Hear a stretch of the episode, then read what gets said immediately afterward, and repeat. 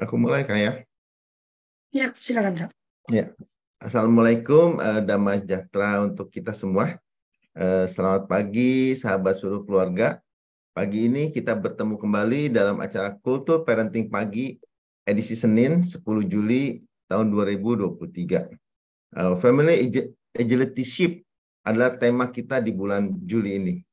Dan pagi ini kita akan membahas ketangguhan diawali dari inklusivitas di rumah. Eh, saya yakin bahwa kita semua yang ada di sini percaya bahwa pendidikan pertama bagi anak-anak kita adalah rumah ya dan pengajar pertama eh, buat anak-anak kita ya kita sendiri sebagai orang tuanya. Ada pertanyaan, kenapa inklusivitas penting diajar di rumah kita dan apakah belajar tentang inklusivitas bisa membuat kita lebih tangguh? Kita mau anak-anak kita menjadi anak yang tangguh, anak yang berkarakter, anak yang dapat menerima perbedaan. Kalau Fli akan mengupas tuntas mengenai tema ini dengan sangat luas dan berharap kita dapat akhirnya menjadikan anak-anak kita anak-anak yang tangguh. Uh, tanpa tanpa menunggu uh, lama lagi, uh, silakan Kak Lovely untuk memulai diskusi kita. Ya, selamat pagi teman-teman. Ya, seperti biasa uh, kami ini kan pasukan berani malu, berani malu ya, karena harusnya pagi ini uh, diisi oleh Kak Irwan ya. Kak Irwan ini sangat kompeten kalau kita mau bicara tentang uh, ketangguhan ya. Uh, namun ternyata beliau ada kegiatan yang tidak bisa diwakilkan sehingga beliau meminta uh, maaf tidak bisa hadir pagi ini. Dan karena pemberitahuannya itu di hari Jum eh Sabtu. Sabtu jadi agak kesulitan saya mencari uh, pengganti. Pilihannya adalah antara dibatalkan hari ini tidak ada atau ya maju saja gitu ya. Uh, lalu uh, me mengisi ruang hari ini. Nah, karena bulan ini kita bicara tentang ketangguhan, resiliensis, ya. Jadi kalau saya batangkan berarti saya tidak resilient ya, tidak agile kata kalau kata Kak Irwan ya. Maka uh, saya memanfaatkan diskusi yang kemarin sempat uh, marak ya di grup di WhatsApp grup kita yaitu tentang intoleransi ya uh, dan dan saya kemudian merefleksi kembali uh, diskusi panjang yang selalu dengan Kak Teh Yanti ya, ini ada Teh Yantinya. Uh, dia selalu mengatakan bahwa pendidikan itu bicara tentang in inklusivitas. Benar ya Teh Yanti ya?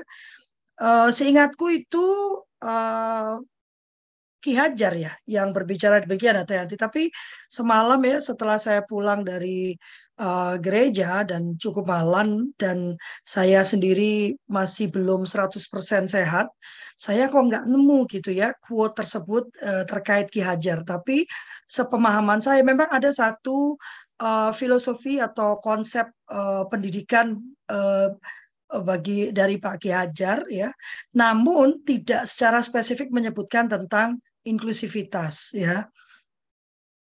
Nah ini menyemai benih-benih budaya inklusif kata Ki Hajar nih kata Dayanti. Ini ini pernyataan ini teh kemarin yang aku cari-cari ya untuk untuk uh, apa untuk me memperkuat apa yang ingin aku sampaikan pagi ini ya. Nanti tolong Tayanti bantu saya kan ini sebetulnya juga beliau nih yang uh, sering kali uh, mengajak saya berdiskusi tentang pentingnya inklusivitas ya. Uh, meskipun kadang-kadang itu ada hal-hal yang bagi saya lah gitu aja kok mesti didiskusikan ya bukankah itu sesuatu yang uh, sudah sewajarnya ya sudah se, se se, uh, seharusnya begitu di, disampaikan atau di, di, dibicarakan gitu. Kenapa mesti jadi satu pembahasan khusus gitu ya tentang inklusivitas, tentang mengajarkan keberagaman pada anak gitu ya. Karena pada dasarnya kalau kita mau melihat dunia kita, enggak eh, usah bicara manusianya deh gitu ya. Yang ada di sekitar kita saja uh, beragam gitu kan. Uh, bagi saya dulu bertanya-tanya kenapa kok macam-macam gitu ya. Hewan macam-macam ya. Dan saya pikir kenapa kok Tuhan tuh tidak membuat satu aja gitu kan? Hewannya satu gitu. Kan kita cuma butuh daging gitu daging ya satu aja gitu, sapi gitu. Kenapa ada kerbau, kenapa ada gitu kan ya Kak Dani ya? Kenapa kok ada ayam gitu kan? Ini protein gitu kan. Uh, kenapa kok sayur itu macam-macam gitu kan?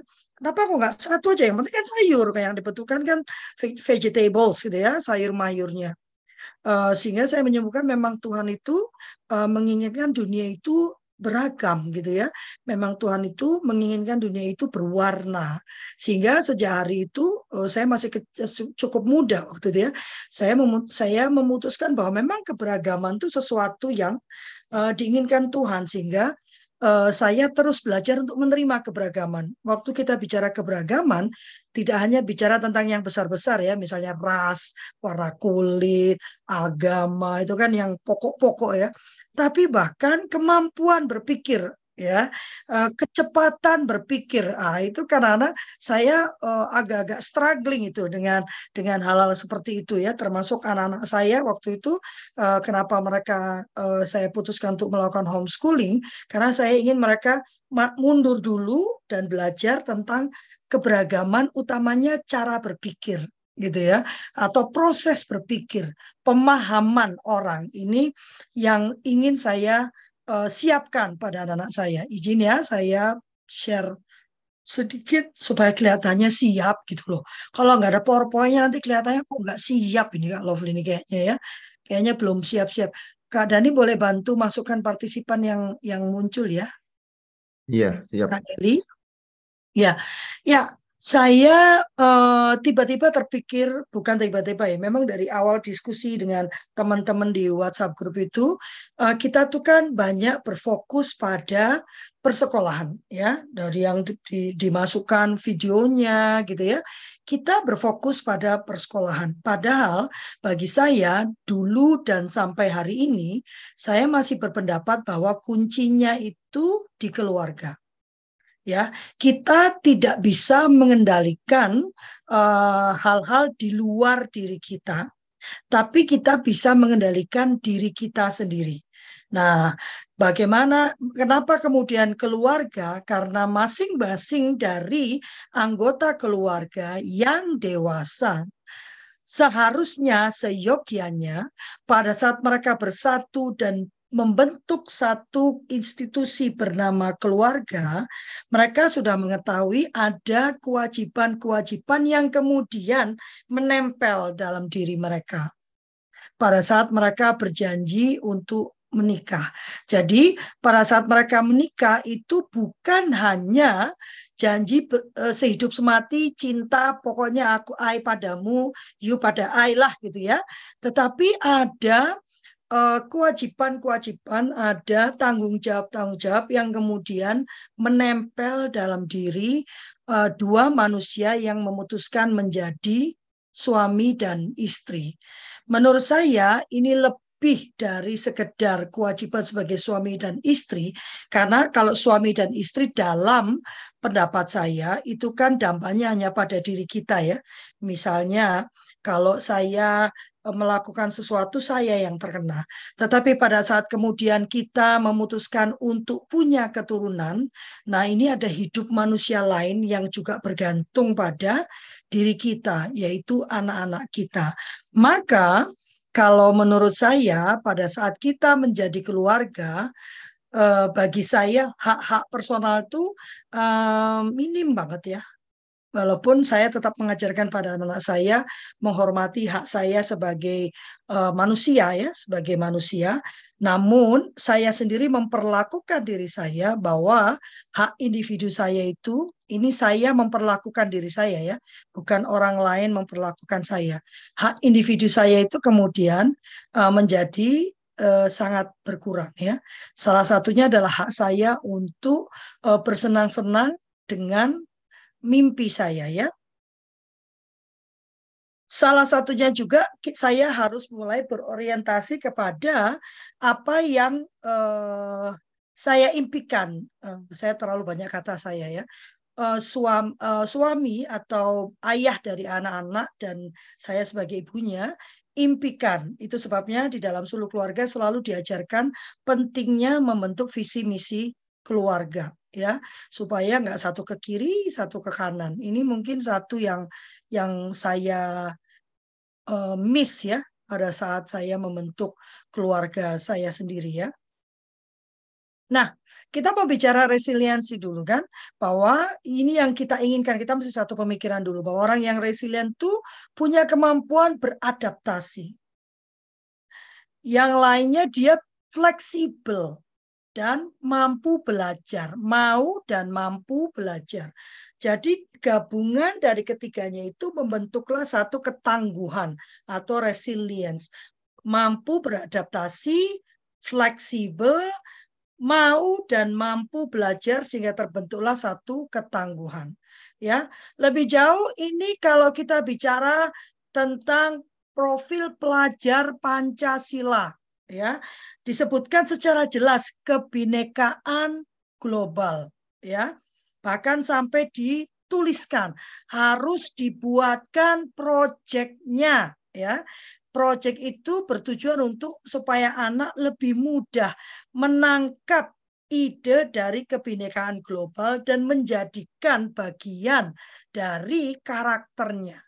Bergotong royong ya, bernalar kritis. Menurut saya, menurut saya ya, uh, inklusivitas itu masuk juga dalam tanda-tanda bahwa kita itu beriman, bertakwa kepada Tuhan yang Maha Esa, Maha Esa dan berakhlak mulia menurut saya ya karena beberapa mengartikan bahwa uh, justru itu tidak menjadikan kita inklusif gitu ya. Justru kita eksklusif gitu hanya orang-orang dari kelompok saya saja yang boleh menikmatinya.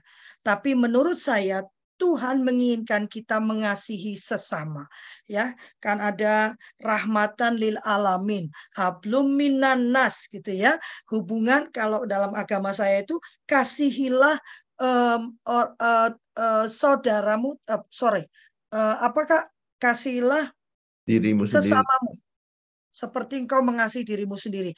Karena kata sesamamu atau tetanggamu tetanggamu ya kalau nggak salah ya kata-katanya ya Artinya orang yang berbeda dengan kita, bukan orang yang sama dengan kita, tapi yang berbeda dengan kita. Dan diminta untuk mengasihi dia seperti kita mengasihi diri sendiri. Terima kasih Kak Deli. Oh, Kak Deli lengkap ya. Karena mamanya sedang mah berat, jadi yang datang adalah pisang dan teh panas. Ya, yang berikutnya, ah, ini yang sebetulnya juga menarik buat saya ya, grit ya menurut Angela Duckworth ya. Uh, dia mengatakan bahwa orang yang punya grit itu dia harus punya perseverance, ketahanan. Dia harus konsisten, dia punya passion ya. Dia juga punya etika pekerja keras. Nah, ini growth mindset. Ini kemarin tuh tahun lalu ya, kalau nggak salah ya. Ini banyak dibicarakan tentang growth mindset dan berikutnya juga ketangguhan. Ini kenapa saya sampaikan ini saya mau bersepakat gitu. Apakah benar ini yang kita inginkan dimiliki oleh kita sendiri dan juga anak-anak kita dalam menghadapi kehidupan dia di masa depan? Ya. Karena kita harus bersepakat dulu kemudian. Nah ini ada perbedaan antara fixed mindset dan growth mindset ya. Ini udah berkali-kali dibicarakan gitu kan. Perbedaannya sangat jelas. Kalau orang yang punya fixed mindset dia menghindari tantangan.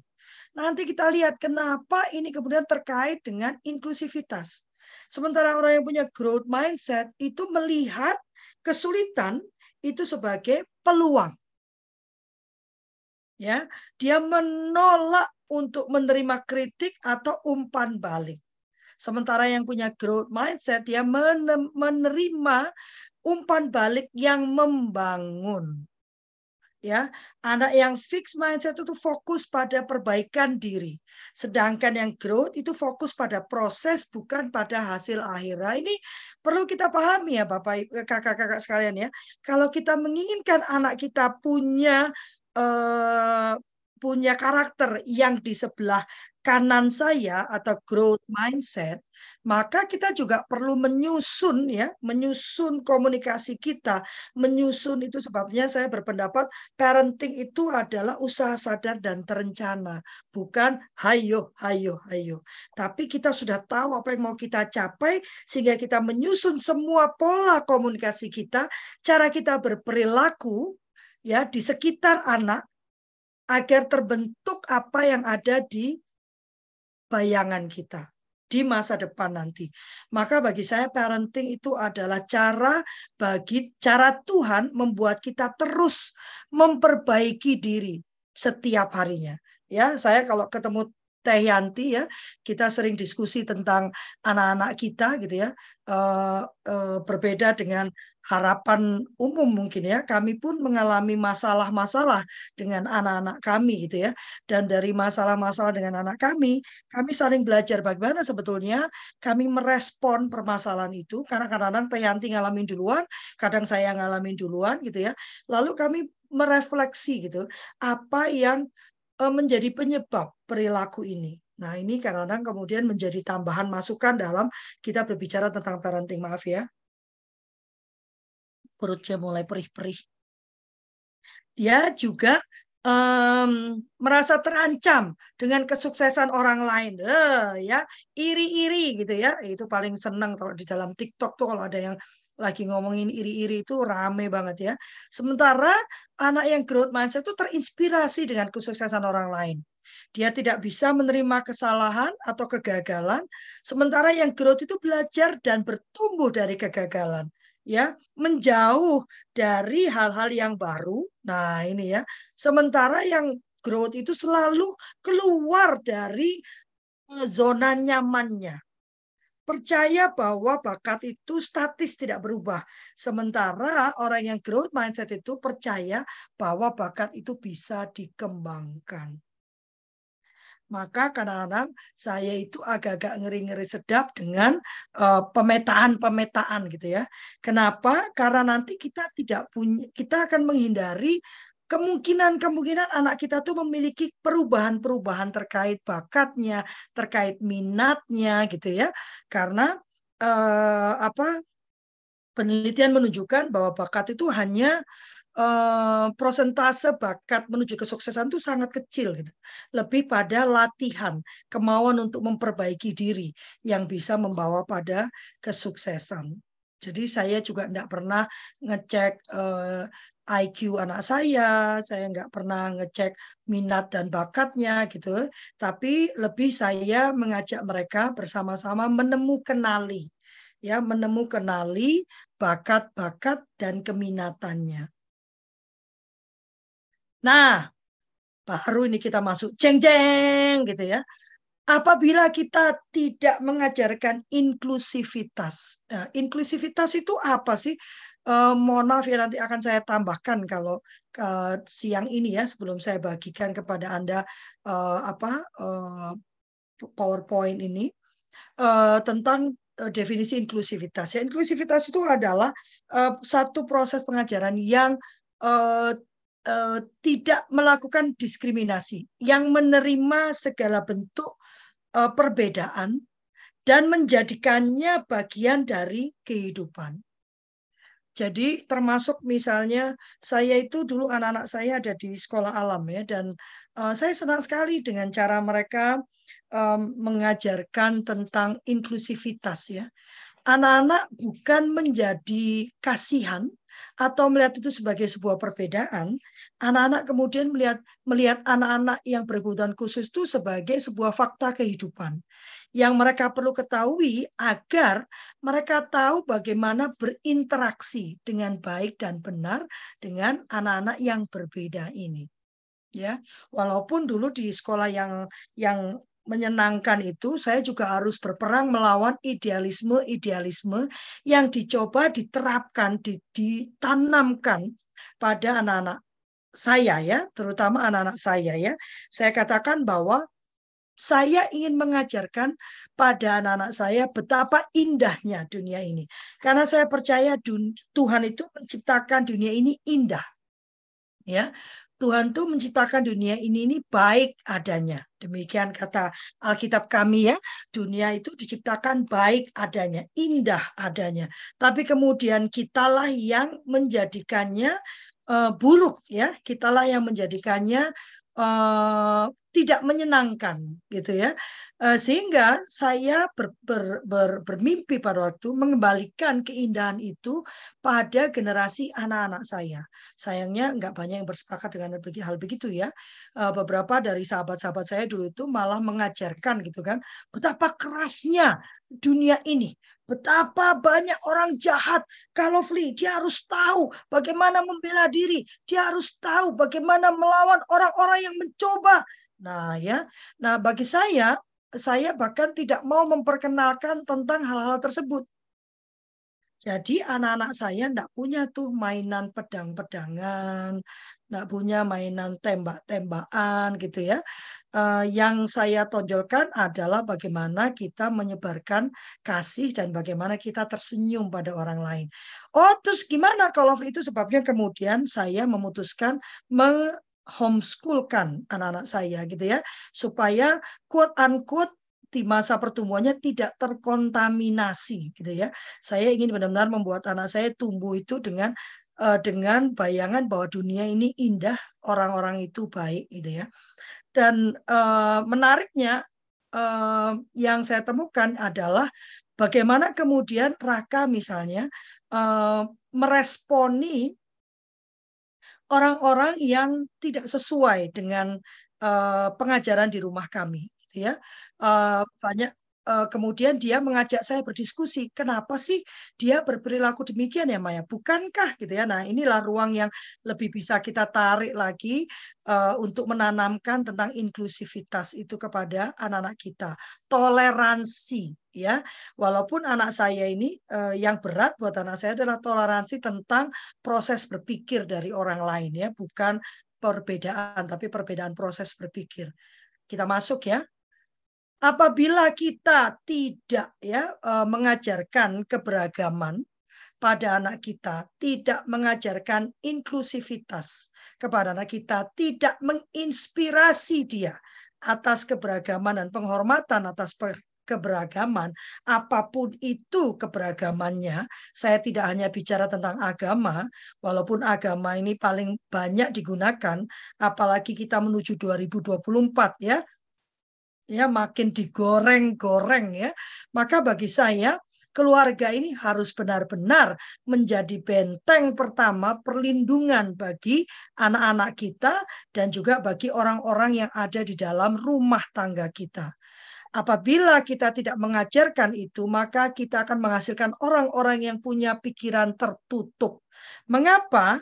Karena sangat terbatas pandangan dan pengalamannya, sehingga dia tidak bisa beradaptasi, tidak bisa berempati, dan tidak bisa mencari alternatif dari solusi karena dia tidak punya pandangan yang lain, dia tidak pernah ter, tidak pernah mendapatkan cara pandang yang berbeda, dia tidak pernah bertemu dengan orang yang berbeda sehingga dia tidak tahu bagaimana beradaptasi. Dia tidak lagi menjadi fleksibel. Dia tidak lagi menjadi adaptif. Dia tidak lagi menjadi mampu belajar. Itu sebabnya dia tidak resilience. Dia juga tidak terekspos dengan keberagaman yang dampaknya dia tidak bisa menghargai ataupun menerima cara pandang atau cara hidup yang berbeda. Sehingga kemampuan beradaptasinya turun drastis. Ya, anak-anak Bapak Ibu nanti cuman bisanya hidup di Indonesia di kampung A RW Kenapa? Begitu dia keluar dari lingkungannya, dia kebingungan, dia tidak bisa memberikan penghargaan, dia tidak bisa menerima cara pandang, dia tidak bisa menerima cara hidup, dan dia akan mendapatkan kesulitan yang luar biasa ya emang mau anaknya cuma hidup di situ-situ aja gitu ya dia juga akan mengalami tekanan emosi ini menarik ya rupanya anak-anak yang tidak terekspos dengan keberagaman anak-anak yang tidak terekspos dengan pengalaman-pengalaman yang beragam dia kemudian membang me, membangun rasa takut untuk berbeda pendapat. Ya, dan dampaknya ini menimbulkan tekanan emosi dan berujung pada pemberontakan. Saya pernah bertanya pada anak saya, kenapa ya kok kalian tuh nggak pernah berontak ya? Karena selalu dikatakan di umur 17 tuh anak itu akan berontak gitu. Dia akan membenci ibunya. Wah, saya panik ya. Waduh, saya enggak mau anak saya membenci saya ya. Waktu saya tanyakan setelah mereka dewasa, saya tanya kan, kenapa sih kalian kok nggak berontak ya? Saya nggak mengalami itu di masa mereka umur 16, 17 gitu ya. Eh, Raka bilang, nah mau memberontak apa ya, mah? Oh, saya tidak perlu berontak. Saya cukup berbicara saja sama mama. Dan kalau uh, saya bisa menyampaikan alasan saya, mama toh menghormati dan mau mengubah pandangan mama apabila itu memang masuk akal gitu. Jadi ngapain saya berontak gitu ya? Jadi keterbukaan ya pengalaman kebolehan dia menerima pandangan yang lain itu membuat dia juga punya tidak mendapatkan tekanan emosi dan tidak menjadi pemberontak ya. Dan berikutnya uh, dia tidak punya jaringan pendukung yang luas karena dia terbiasa hanya berkumpul dengan kelompoknya sendiri sehingga dia tidak punya kemampuan mencari dukungan pada lintas kelompok. Ingat ya, resilient tadi adalah salah satunya flexibility. Salah satu ciri resilient adalah kemampuan untuk mencari bantuan ya mencari bantuan mencari dukungan di luar dirinya di luar kelompoknya dan ini yang berat kalau menurut saya ya mental kita lawan mereka us against them gitu ya. Dan ini membuat anak sulit membangun hubungan yang bermakna karena selalu ingin tahu ini dia ini termasuk golongan saya atau bukan. Ya. Dan dia sulit bekerja sama dengan orang lain dan sulit mencari bantuan saat dibutuhkan. Jadi sebetulnya pada saat kita tidak mengajarkan keberagaman, pada saat kita tetap pada fixed mindset kita sendiri dan tidak mengubah diri menjadi growth mindset, maka kita akan menghasilkan anak-anak yang punya fixed mindset. Dan kita sudah bersepakat dalam setiap diskusi, dalam setiap pelatihan, uh, uh, apa pelatihan manajemen bahwa kita perlu memiliki growth mindset agar punya agility ship dan kemudian menghasilkan manusia-manusia yang resilient. Maka saya mengajak teman-teman untuk mulai hari ini mengubah diri dan menjadi diri-diri yang punya growth mindset, yang resilient, yang menerima perbedaan. Ya, ini ada nih. Ya, ini dia. Ya ini kata-kata saya sendiri. Keluarga yang inklusif adalah awal dari bangsa yang tangguh. Terima kasih. Mari kita berdiskusi ya. Mau berdebat juga boleh. Silakan Kak Dani. Makasih Kak Lovely untuk pemaparannya. Uh, luar biasa, terutama kata yang terakhir itu ya. Kalau kita mau jadi bangsa yang tangguh adalah bangsa yang uh, menerima perbedaan itu sendiri gitu. Karena memang banyak sekali terjadi perpecahan dan itu yang bisa menghancurkan satu bangsa. Terutama kita Indonesia ini kan beragam, banyak sekali ragamnya. Dan eh, saya sangat setuju setelah dengar ini semua bahwa inklusivitas itu sangat diperlukan sekali di rumah. Untuk anak bisa mengerti eh, ada perbedaan baik misalnya mungkin dengan dengan anak yang kebutuhan khusus ya. Jadi dia bisa terima semua semua golong, golongan dan terutama bisa menerima pendapat orang lain, bukan hanya pendapat dia saja yang benar gitu. Dan itu akan membantu banyak sekali ketika dia uh, bertumbuh menjadi anak yang dewasa. Silakan kakak-kakak uh, yang mau berpendapat atau mau yang ber, menanyakan atau berdiskusi atau kata Kak Lovely mau menyerang juga boleh katanya. Iya. Silakan. Teh Yanti, ada yang mau ditambahkan? Ah, Teh ah, Yanti ini udah open mic. Izin off ya. Ya. Off kamera maksudnya. Makanya ya. belajar bikin avatar biar nggak off. ya, uh, terima kasih kalau Fili Kak, da Kak Dani. Saya sih ini aja sih ingat uh, dulu ketika anak pertama saya mencari sekolah gitu kan dari dari satu sekolah ke sekolah lain kalau nggak salah sembilan sekolah sampai akhirnya memutuskan berada di satu uh, madrasah yang saya saya pandang uh, uh, cocok gitu. Karena uh, itu masalah inklusivitasnya gitu. Dan um, ketika kemudian uh, kami menawarkan kepada putri sulung kami untuk untuk uh, masuk ke dunia yang lebih lebih terbuka masuk ke SMP negeri dan itu jauh gitu ya dari Cimahi ke ke kota Bandung. Uh, ternyata memang ada gegar-gegar budaya gitu. Ada uh, bahkan bahkan apa ya belajar bersama di sebuah madrasah yang sudah anggap kita anggap eh, sesuai saja gitu ya dengan inklusivitas yang eh, apa sih secara sadar dan berencana disiapkan oleh para pendidiknya termasuk orang tua murid di situ. Ketika masuk ke sekolah negeri putri saya putri sulung kami itu sempat sempat shock gitu karena melihat anak-anak yang dibicarakan berbeda gitu ya kebiasaannya berbeda.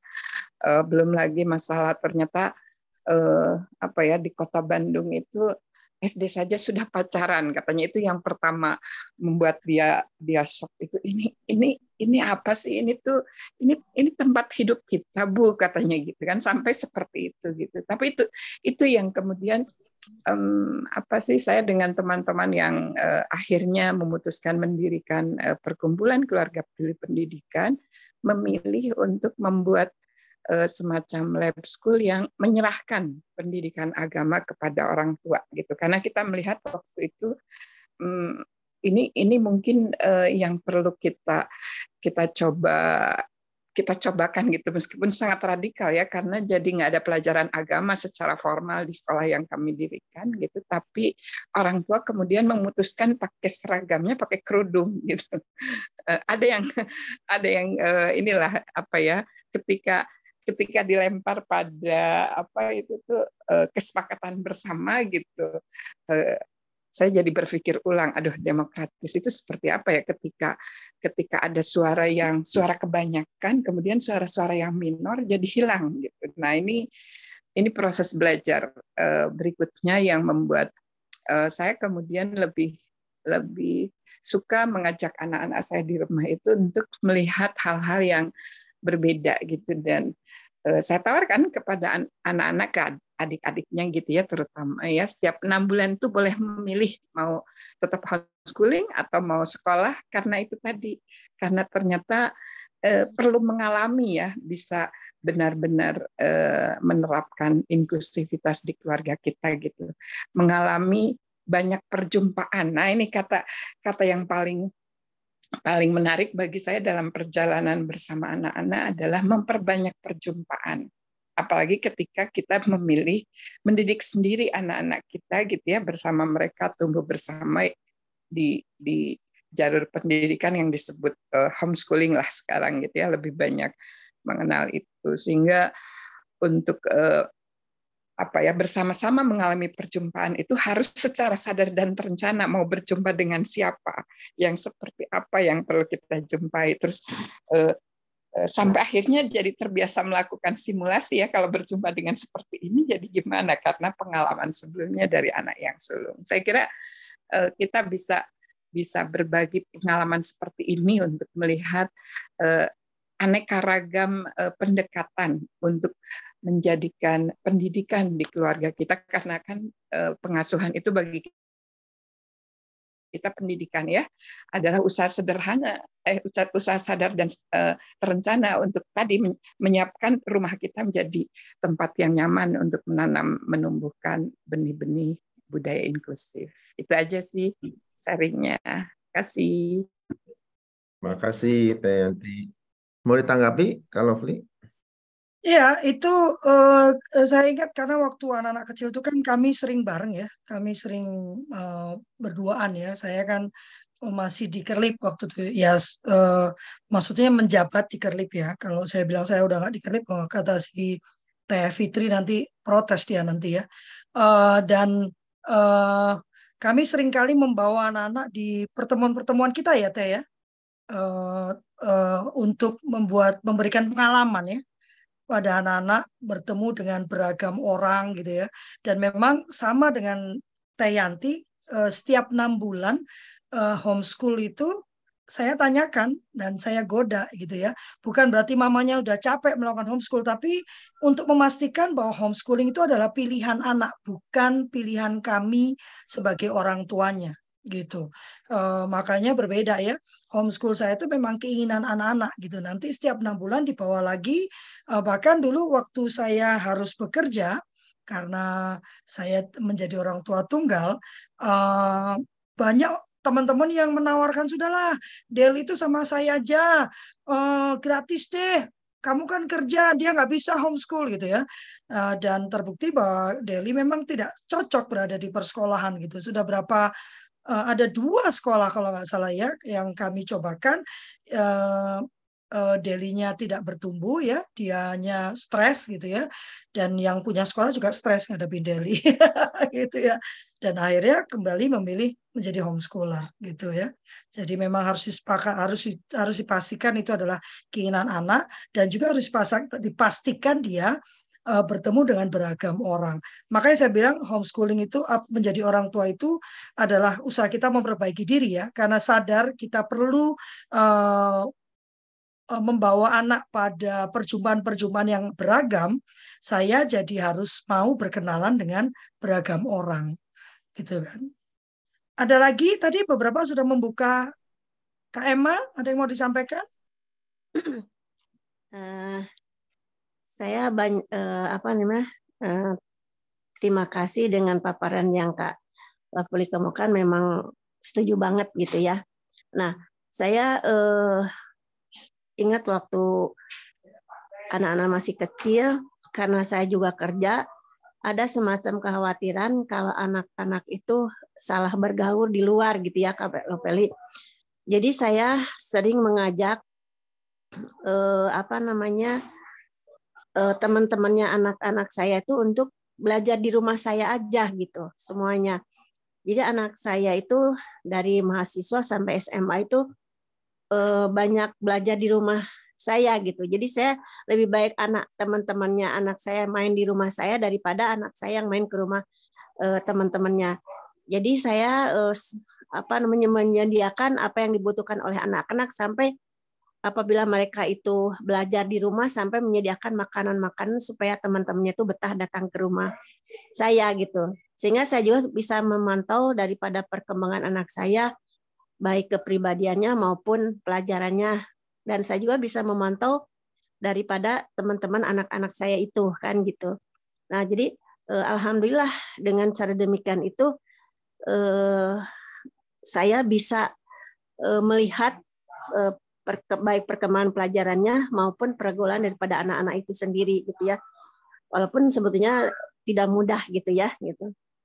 Nah, bahkan banyak juga yang teman-temannya eh, yang teman-temannya anak-anak saya itu yang tadinya berperilaku kurang baik menjadi baik sehingga pada suatu hari saya tuh merasa kaget ada orang tua eh, datang ke rumah saya gitu saya tuh nggak kenal siapa ternyata dia orang tuanya anak saya eh, orang tua teman teman anak saya jadi mengatakan berterima kasih karena setelah gaul dengan anak saya mereka menjadi lebih baik lagi kan gitu nah di samping itu eh, kan banyak nih kalau Feli yang uh, berhasil dalam apa pendidikan karena dulu orang tua itu menginginkan anak-anaknya semua memaksakan diri di sekolah-sekolah favorit gitu.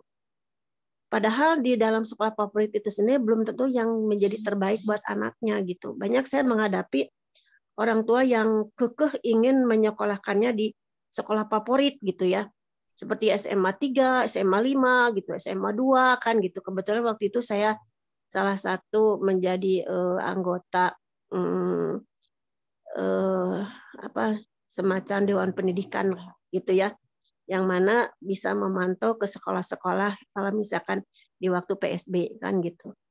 Saya saya berikan pengertian kepada ibu-ibu tersebut bahwa uh, ibu memaksa ini tuh yang sekolah tuh keinginan anak atau karena orang tua saya bilang. Jadi coba saya memberikan pengertian bahwa eh, kalau misalkan anak ibu itu masuk ke sekolah favorit, eh, misalkan anak ibu tuh pinter masuk ke sekolah favorit itu tidak ada apa-apanya karena banyak orang-orang yang pintar di sana saya bilang. Tapi kalau menurut saya lebih baik di sekolah yang biasa tapi putra ibu menjadi yang menonjol lebih pintar daripada yang lain itu pilih di antara yang yang mana yang ibu inginkan. Tapi banyak juga orang tua yang kekeh ingin anak-anaknya di sekolah favorit semacam kebanggaan. Walaupun sebut ya, walaupun keteteran juga kalau bagi yang pas-pasan ya sehingga dia dikursuskan kan gitu ya. Oh, anak itu tuh banyak juga yang akhirnya dipanggil orang tuanya bahwa anaknya misalkan contoh di waktu SMA 3 itu ya. Banyak uh, orang tua yang dipanggil bahwa anaknya nggak bisa naik kelas jadi lebih baik pindah aja ke sekolah lain daripada dia meneruskan di SMA 3 tersebut kan gitu ya. Banyak juga yang kegagalan-kegagalan semacam itu. Nah jadi sebetulnya yang di sini masih banyak ambisi orang tua menginginkan anaknya yang wah gitu ya yang sebetulnya anaknya itu tersebut juga belum tentu katanya mau gitu ya.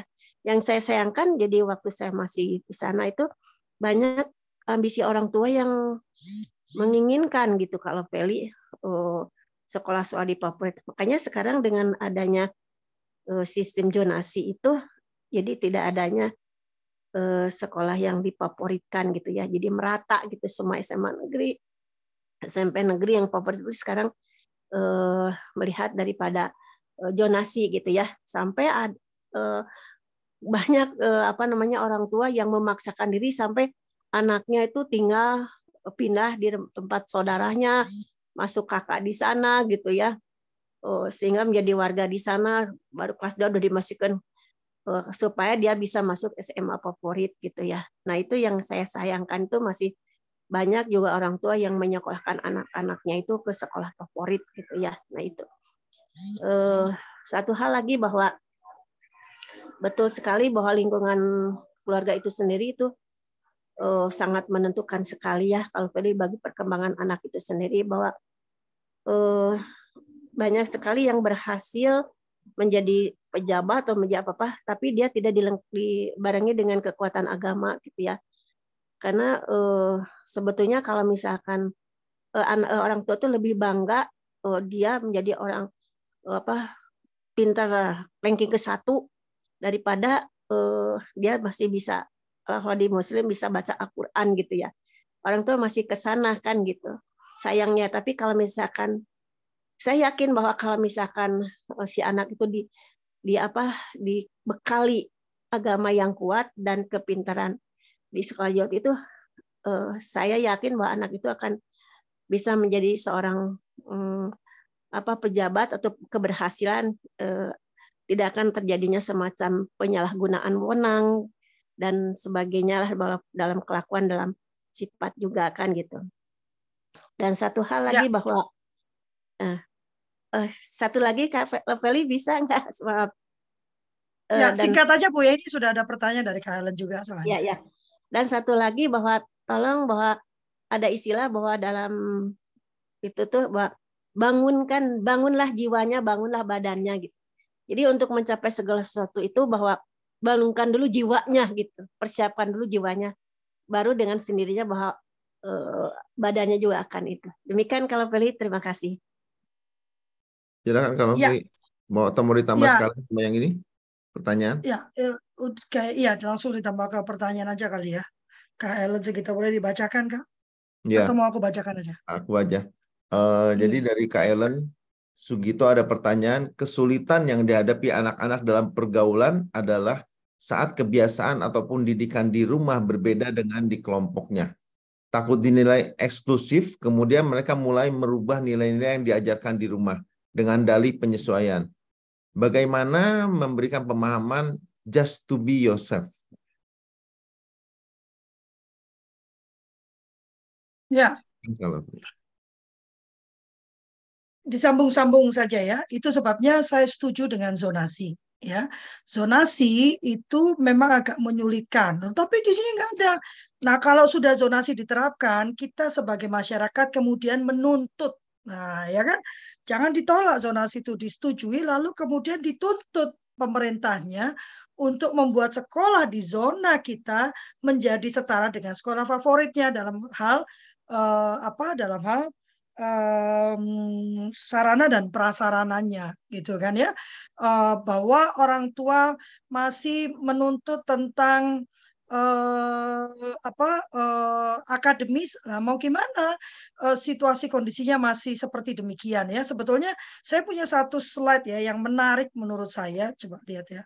Uh, Teh Yanti ini menurut aku menarik banget slide ini cuman pas mau aku tampilkan kayaknya kok agak-agak ini ya agak-agak piye gitu. Ntar ya saya besarkan dulu ini. Um, jadi mau bicara tentang inklusivitas, bicara tentang segala macamnya itu nggak bisa satu kegiatan saja gitu loh. Tapi memang harus secara secara sistemik gitu kan. Uh, semuanya itu disiapkan itu bahkan kebijakan pemerintahnya gitu ya. Tayanti ya. Tayanti ini kan yang paling paling ini ya bisa berbicara dengan pemerintah mungkin ya. Jadi memang harus harus semuanya itu harus dibuat itu how-nya ya kan. Ada safety-nya trust-nya empowerment-nya collaboration support history and culture gitu kan. Mindset-nya yang diubah power relationship program components policies kalau eh, kebijakan pemerintahnya tidak mendukung hal tersebut ya berat gitu ya. Eh, dan kalau bicara tentang anak yang ada di rumah gitu ya, bagaimana kemudian anak eh, apa mengubah kebiasaan atau nilai-nilai yang diajarkan di rumah, itulah pentingnya komunikasi kalau menurut saya Kak Ellen ya. Eh, memang kan dunia itu berubah ya. Eh, inilah yang kita saya rasa bukan nilainya ya, tapi penerapan nilainya biasanya yang anak-anak mau ubah ya. Misalnya nih eh, apa eh, pada anak-anak saya itu misalnya saya tidak pernah mengajarkan penggunaan kata-kata lu, gua gitu ya. Eh, di rumah kami itu eh, bahasa yang digunakan adalah bahasa baku ya. Jadi eh, saya akan berbicara pada anak saya misalnya, Dede, Dede mau makan, jam berapa Dede mau makan gitu ya. Uh, uh, Dede mau makan apa hari ini? Hari ini mau masak apa gitu ya? Nggak ada kata lu makan nggak? Makan nggak? Gitu ya. Uh, tapi kemudian pada waktu anak-anak ini bergaul, anak saya yang besar terutamanya karena yang besar ini lebih lebih uh, ekstrovert ya seperti ibunya ya Deli ini lebih introvert seperti ayahnya ya uh, dan Eh, dan mulai menemukan hal-hal yang berbeda gitu ya. Eh, Raka kemudian eh, mendiskusikan terlebih dahulu sebetulnya ya. Ini sebabnya kedekatan pada anak, keterbukaan kita, kemauan kita berdiskusi tadi ya, itu sangat penting kita terapkan semenjak anak masih kecil. Jadi hal-hal itu kemudian didiskusikan mah. jadi aku tuh gitu ya. Mereka tapi yang paling menarik ini ya. Waktu Raka SD ya, Raka SD. Eh, Raka itu protes tentang anak-anak yang di bulan puasa itu mengakunya puasa, tapi uh, puasa sebetulnya. Uh, uh, bagi dia itu hal yang tidak masuk akal. Bukankah mudah berkata kepada ibunya saja, mah, uh, kalau dia itu hari ini nggak kuat gitu. Jadi hari ini nggak puasa. Kenapa dia mesti berbohong kepada orang tuanya, kepada guru-guru, padahal aku tahu dia jajan di sekolah itu dia jajan mah, tapi nanti dia balik lagi ke guru ke guru, dia bilang dia puasa. Kenapa dia nggak ngomong aja kalau dia itu nggak puasa kan nggak apa-apa ya Maya nanti uh, bisa dibantu ya Maya gitu ya. Nah hal-hal seperti ini uh, buat dia membingungkan tapi kemudian dia diskusikan gitu. Bagaimana memberikan pemahaman itu uh, ya lewat diskusi Kak Ellen ya. Uh, kalau saya sama ngomong lah, emang kakak mau jadi followers, kakak harus jadi pimpinan dong, kakak yang menentukan dong gitu ya, uh, sehingga di rumah pun dia boleh uh, uh, boleh menjadi trendsetternya. Ini buat saya kait mengkait ya, uh, buat saya ya. Kalau kita memperlakukan anak sebagai harus patuh, maka pada waktu dia keluar dari rumah, mentalitas itu juga yang akan dia bawa. Ya, kalau selalu pesannya manut ya sama guru ya, uh, manut ya sama sama sama ini ya, maka waktu dia bertemu dengan teman-temannya pun mentalitas itu yang dia bawa. Saya tidak mengatakan berontak ya, tapi saya selalu berkata kritis ya. Dipikir ya, ditimbang. Bahkan perintah dari mama pun ya, karena mama ini ibu tunggal sehingga otoritas tertinggi di rumah itu kan saya ya. Tidak ada ayahnya kan berbeda rumah.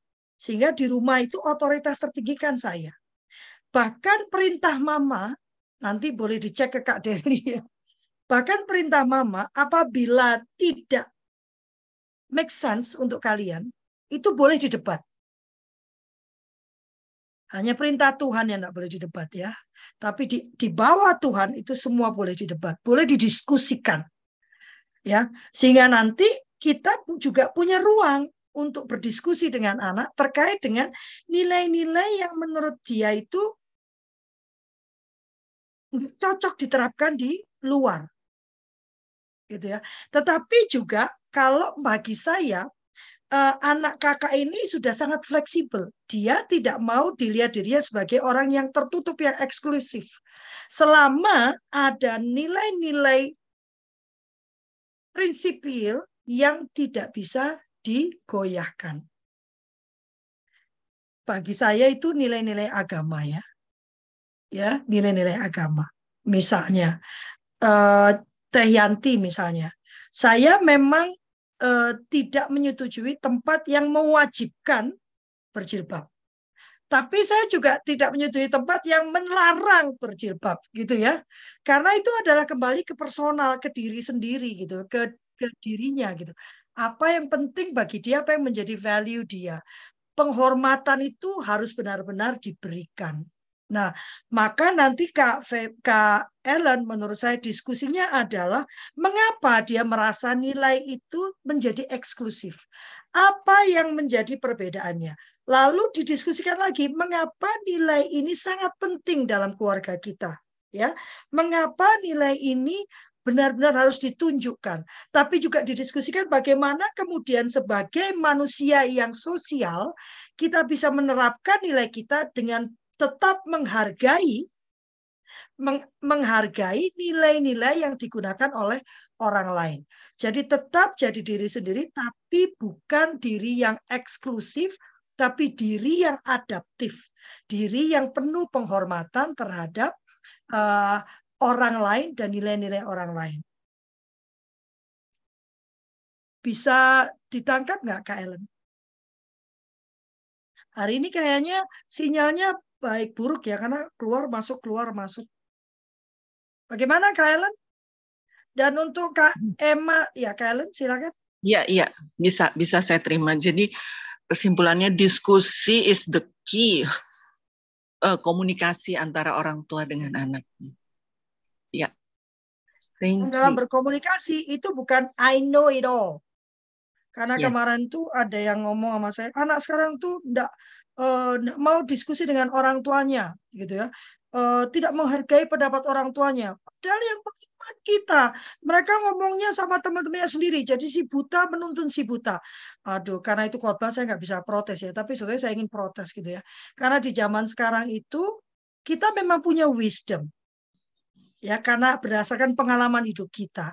Tetapi yang dialami anak-anak kita itu sudah jauh berbeda dengan apa yang kita alami maka kita kalau ngobrol dengan anak-anak kita itu juga dengan I know it all, you don't know anything gitu ya. Tapi I have the experience. Coba bagaimana experience saya itu bisa kamu terapkan di dalam kehidupanmu yang sekarang. Yang saya tahu berbeda dan yang mama tahu mungkin mama nggak ngerti apa-apa.